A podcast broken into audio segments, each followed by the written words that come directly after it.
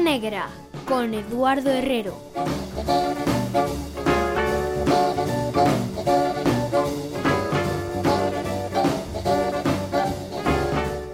Hai quen di que lle gusta todo tipo de música. Desconfía, faime caso.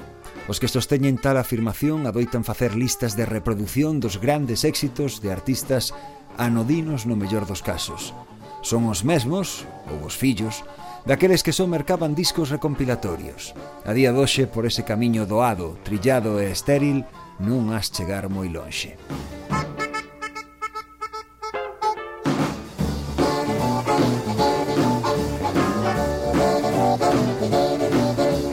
Porén, eu propoñoche unha corredoira revirada, enlamada e chea de croios que nos a levar a un prado inmenso, de erva fresca e alta, un lugar real pero case esquecido, onde se conserva a música máis honesta de todas, o blues. Dame a man e segue os meus pasos porque hoxe saímos á busca da matriarca, a nai do xénero e a filla do vodevil, a irrepetible Ma Rainey. A lista negra, a hora do blues.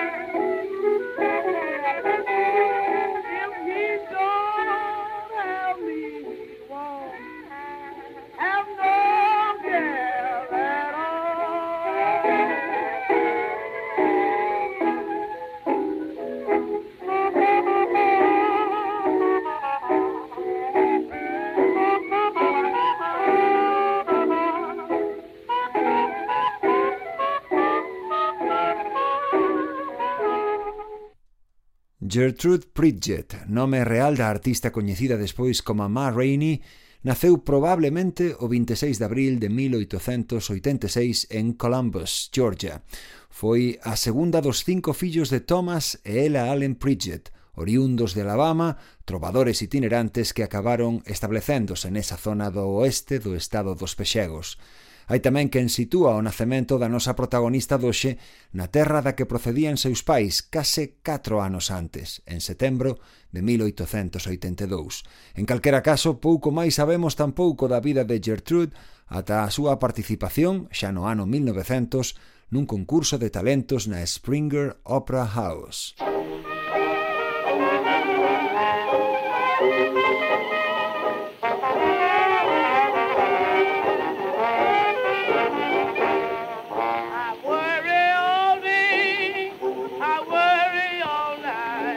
Every time my man comes home, he wants to fuss and fight. When I pick up the paper,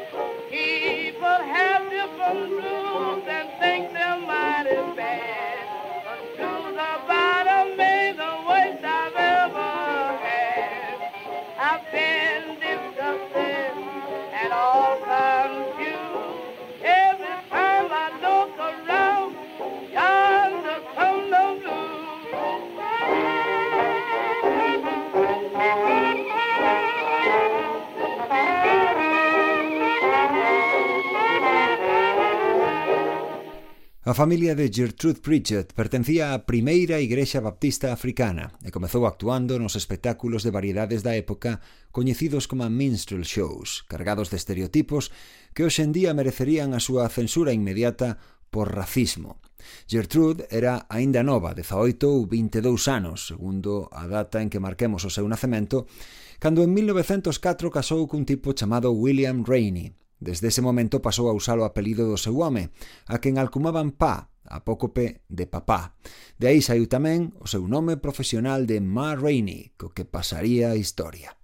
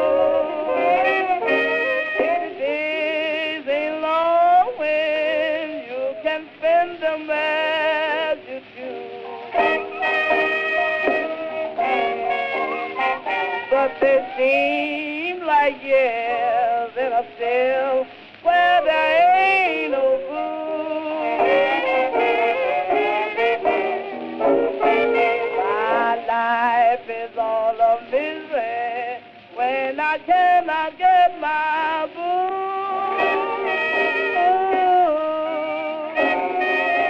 My life is all a misery when I cannot get my boo. I can't live without my liquor. Got to have the booze to kill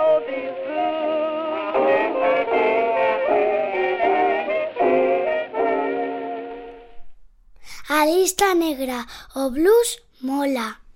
Ma e Pa Rainey formaron xuntos a Compañía de Fabricantes de Diversión de Alabama, pero en 1906 uníronse á compañía da pata de coello de Pat Chappell, moito máis numerosa e popular. O matrimonio Rainey anunciábase no programa como un dúo de cantantes negros de xubileo, bailaríns cómicos e aspirantes á tarta coa que se premiaba os artistas máis aplaudidos polo público en cada función. En 1912 a compañía cambiou de propietario, pero os Rainey seguiron nela durante algún tempo máis. Foi nesa época cando Gertrude escoitou cantar unha moza en Missouri que a conmoveu.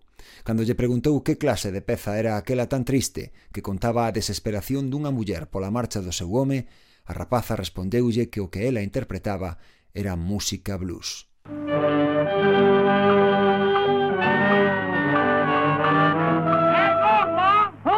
Campeonato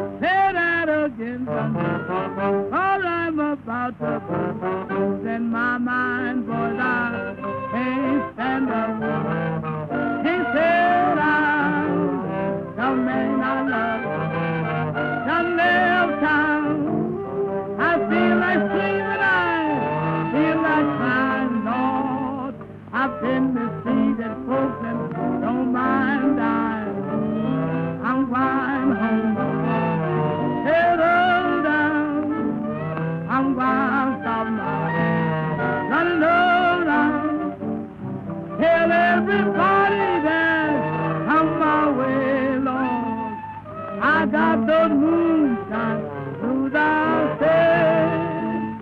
I got those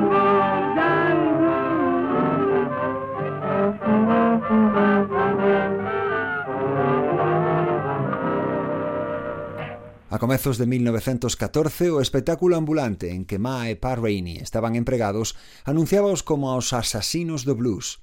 Durante unha estadía en Nova Orleans, Gertrude coñeceu a músicos como a Louis Armstrong, Pop Foster ou Joe King Oliver. Entregada xa por completo ao blues, a súa sona foi en aumento conforme o xénero ia facéndose tamén máis popular.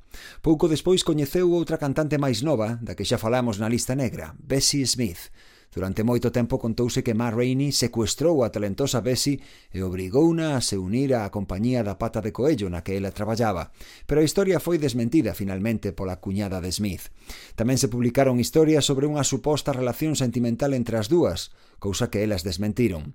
O que sí é certo é que Bessie traballou algún tempo xunto a Ma e que foi esta quen a axudou a perfeccionar o seu estilo.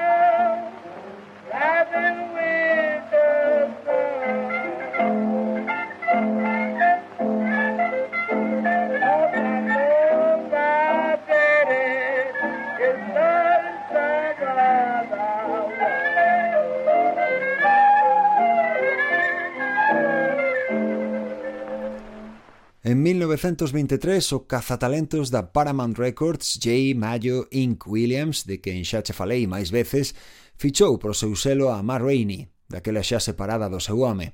En decembro dese mesmo ano tivo lugar unha primeira sesión de grabación en Chicago da que saíron oito singles, entre eles Moonshine Blues que acabas de escoitar. Mas rexistrou un cento de temas máis nos cinco anos seguintes, cos que se fixo un nome máis aló dos estados meridionais do país. A súa discográfica puxo moito empeño en promocionala, e para iso non dubidou en etiquetala con sobrenomes tan extravagantes como a muller da Gorxa Douro, o paxaro cantor do sur, a gata montesa da Paramount, e o que ao cabo se fixo máis popular, a Nai do Blues.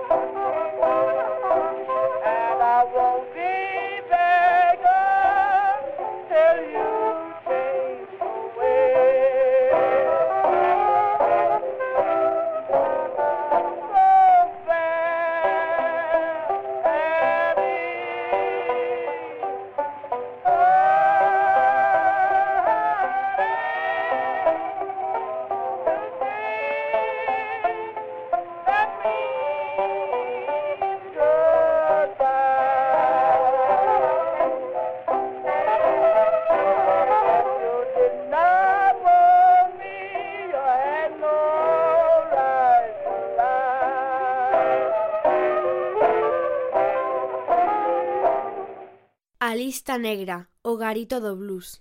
Este Jelly Bean Blues foi un dos temas que Ma Rainey grabou en 1924 con Louis Armstrong.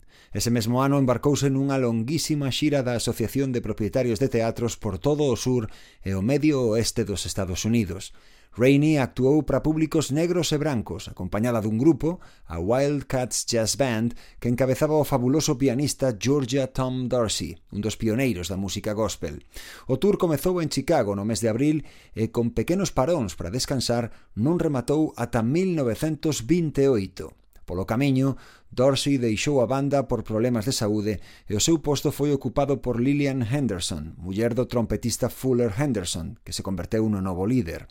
Foron bons tempos para Ma Rainey, que chegou a gañar 350 dólares da época á semana, o dobre que outras cantantes populares naquel momento como a Bessie Brown, se ven apenas a metade do que facturaba a que era xa a artista mellor pagada dos espectáculos de variedades, Bessie Smith.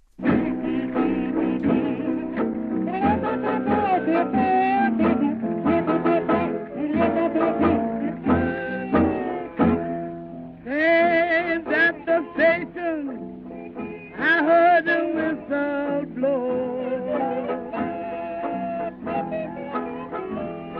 The pains at the station, I heard the whistle blow. I done bought my ticket and I don't know.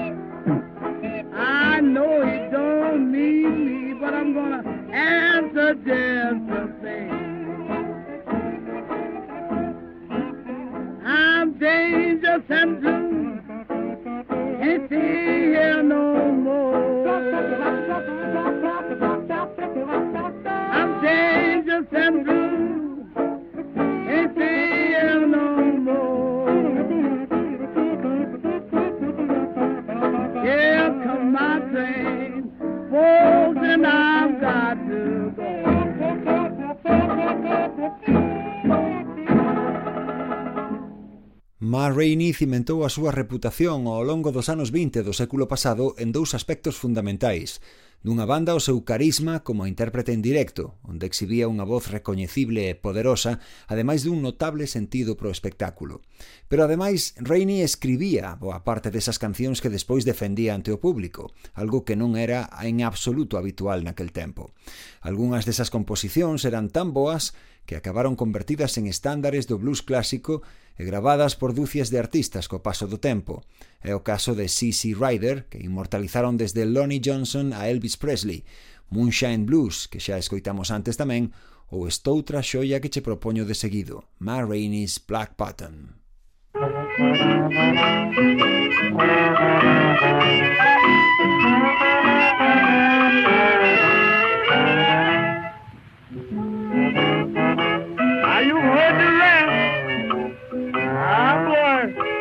going to show you the best.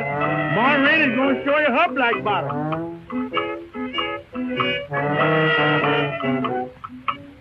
Way down in South in uh, Alabama, I got a friend called Dancing Sammy, who's crazy about all the ladies dancing, black bottom stomp and uh, you baby prancing. The other night at a trail affair. Soon as the boys found out that I was there, he said, Come on, Mom, let's go to the cabaret. When I got there, you ought to hear me say, Want to see the dance you call the black bottom. I want to learn that dance. Oh, to see the dance you call your big black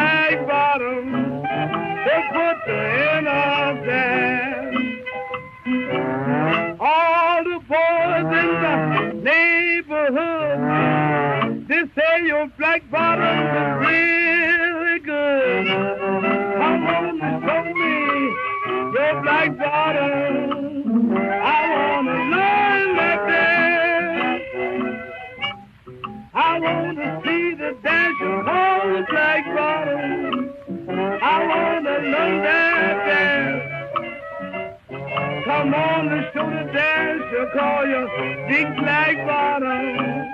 And put the in my prayer. Early last morning, about the break of day, Grandpa told my grandmother, heard him say, and he showed the old man your black bottom. I wanna learn that dance. Now I'm gonna show you my black bottom. Wait till you see that dance. Wait until you see me do my big black bottom.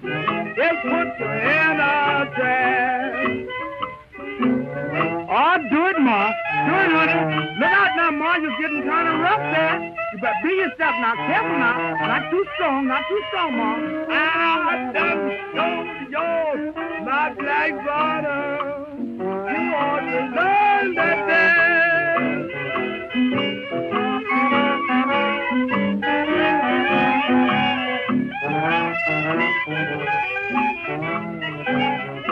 Pero Mar Rainey nin sequera se limitou a escribir temas de éxito, senón que esa faceta de compositora levouna a tocar asuntos tan controvertidos nas súas letras como a bisexualidade ou o lesbianismo.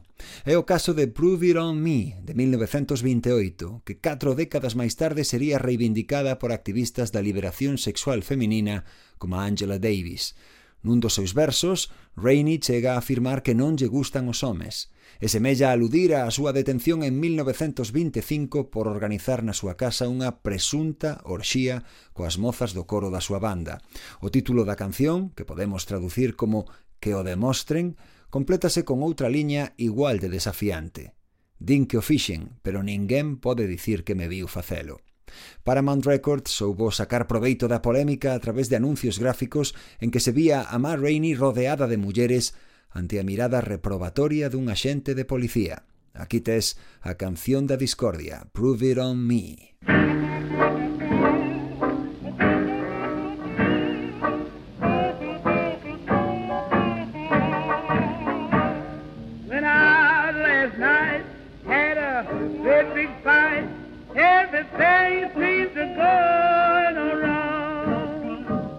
I looked up to my surprise, the gal I with was gone.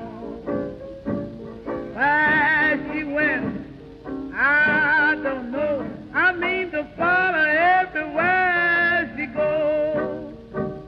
Folks said I'm crooked. I didn't know where she took it. I want the whole world to know. This day I do it. Ain't nobody caught me. Sure got to prove it on me. Went out last night with a crowd of my friends.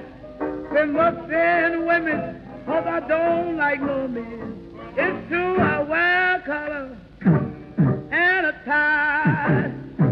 The wind blow all the while.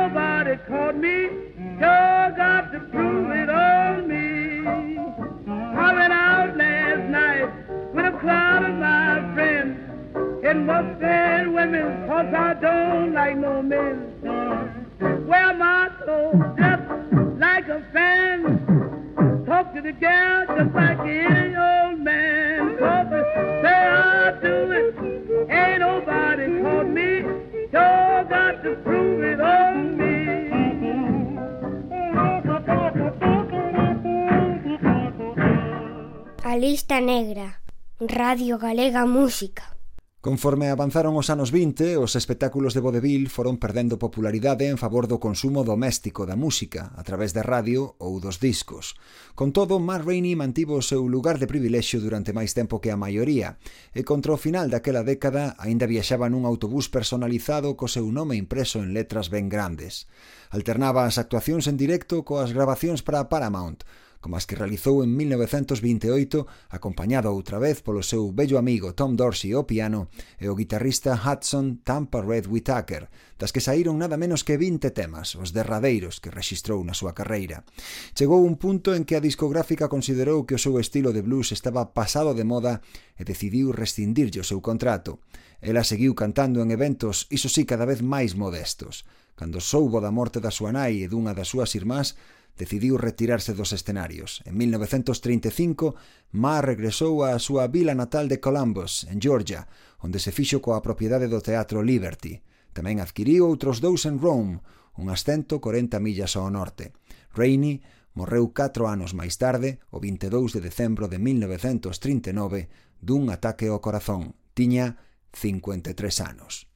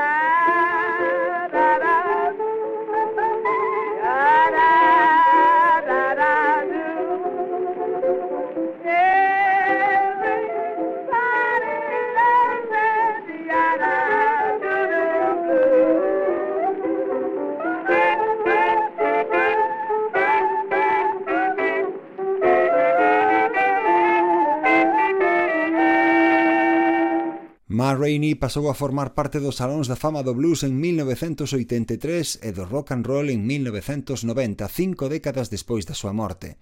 A súa vida foi levada ao cine en varias ocasións, a última delas nunha produción de Netflix de 2020 premiada con dous Oscars e titulada Ma Rainey's Black Bottom, que en España se chamou La Madre del Blues.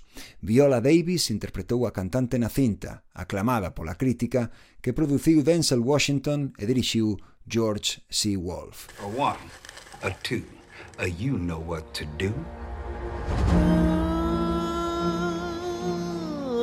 This would be an empty world without the blues. I try to take that emptiness and fill it up with something.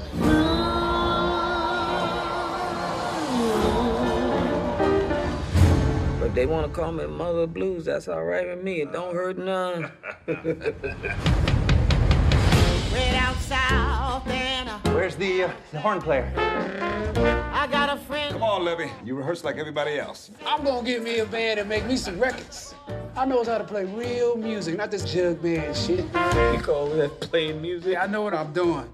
Go on and fire me, I don't care. When I got there, they began people's attention. That's when you and Slow Drag come in with the rhythm part. Me and Cutler play on the break.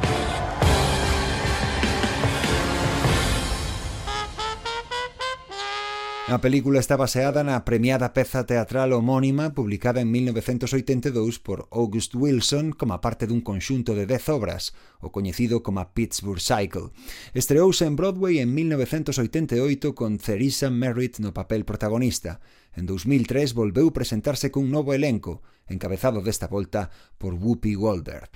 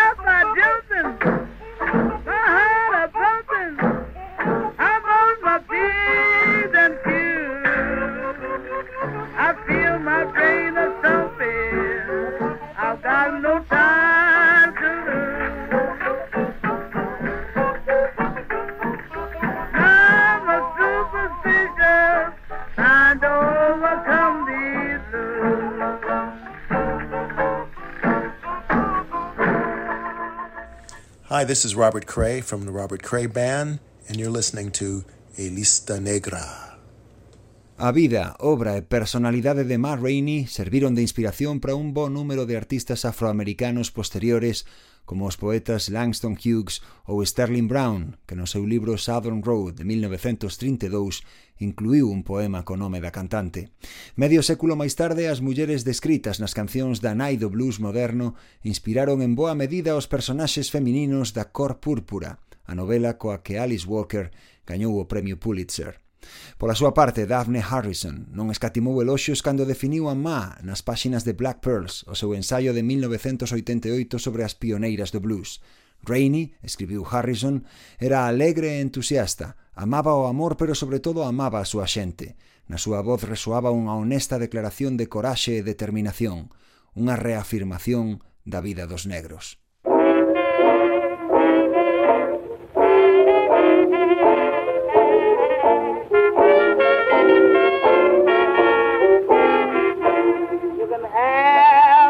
money.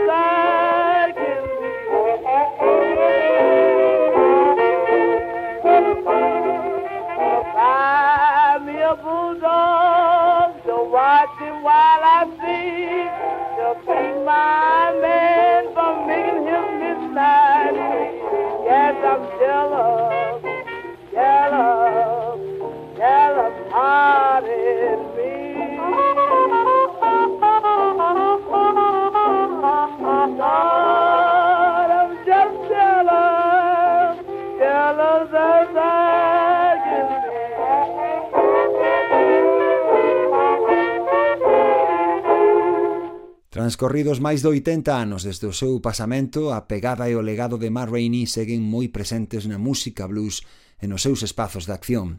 Aló polo 2007 abriu as súas portas o museo que leva o seu nome en Columbus, a terra en que veu ao mundo.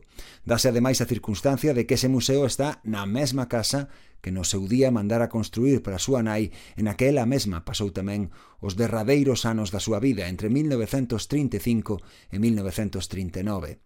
En abril de 2016, coincidindo co 130 aniversario do seu nacemento, celebrouse a primeira edición do Festival Internacional de Blues Ma Rainey e o ano seguinte abriu as súas portas a Escola de Artes Rainey McCullers, que honra tanto a súa memoria como a da escritora Carson McCullers.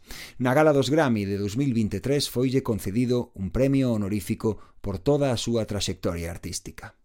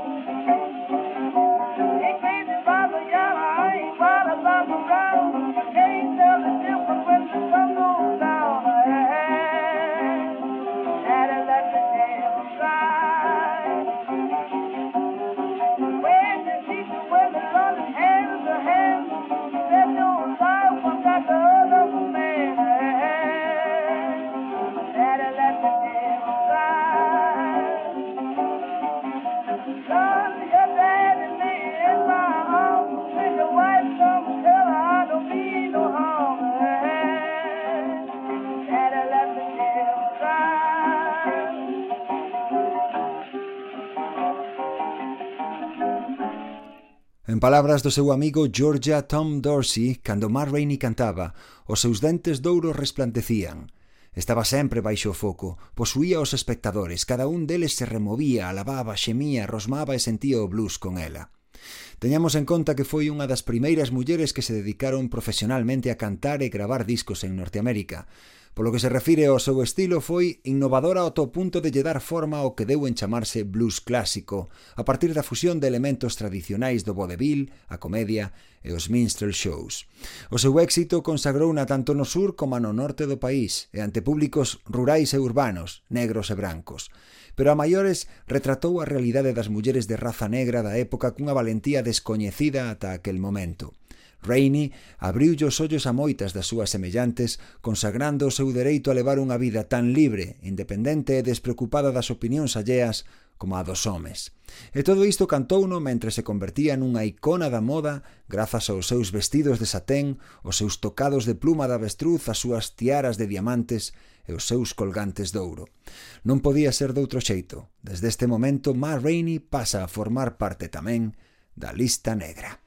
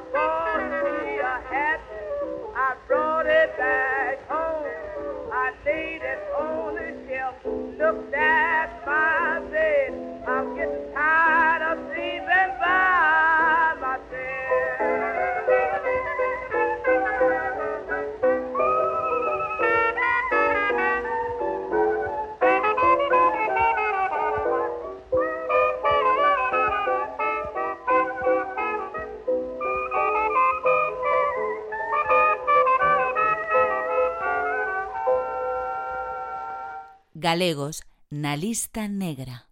Boas, son Alexandre Cabanelas, saxofonista de forma al cuartet jazz. O noso proxecto naceu no Carballiño, Ourense, e somos un cuarteto de jazz formado por batería, baixo eléctrico, piano e saxo.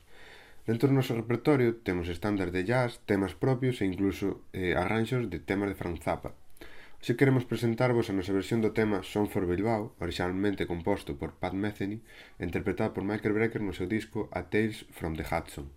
Podes escoitar este single, como o noso disco Perspectivas, en Spotify, Youtube, etc. Espero que vos guste. Un saudiño e moitas gracias Eduardo por contar con nós.